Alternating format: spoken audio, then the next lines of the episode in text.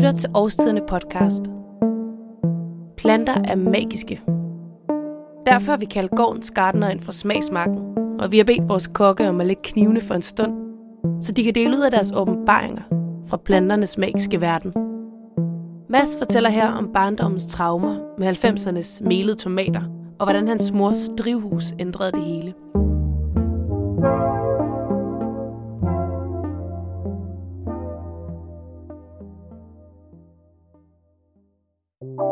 Vi sidder der rundt om bordet. Hele familien. Storebror, storesøster, mor og far. Midt på bordet står en gryde med kødsovs. Og der er også en gryde med et rødt plastikdørslag med spaghetti i. Og så står der en flaske ketchup. Det er sådan set godt nok, men der står også en skål, som ligesom udfordrer den gode stemning ved bordet.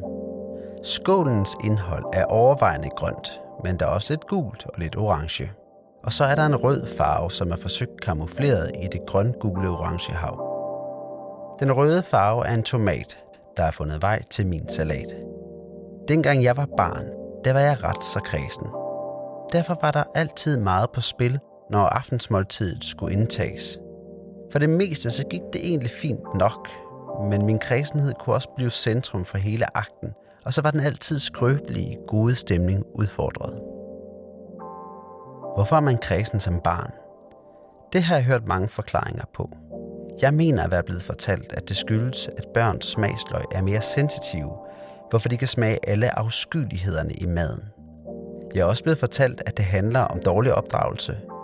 Men altså, kan man ikke snart forklare alt med dårlig opdragelse? Nej, så er jeg mere til den der med smagsløgne. Når vi fik tomater, gav jeg det næsten altid en chance – for i forhold til asier og oliven og rosenkål og grønne bønner, som jeg heller ikke kunne lide som barn, ja, så ser tomaten jo lige frem venlig og imødekommende ud. Men når tomaten den først kom ind i min mund, ja, så husker jeg tydeligt, at der opstod en enorm trang til at kaste op. Jeg skal hilse at sige, at det ikke var særligt velset ved bordet.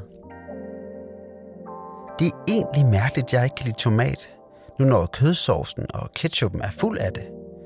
Sådan kan jeg huske, at jeg tænkte, når jeg endnu en gang må se mig besejret af tomaten.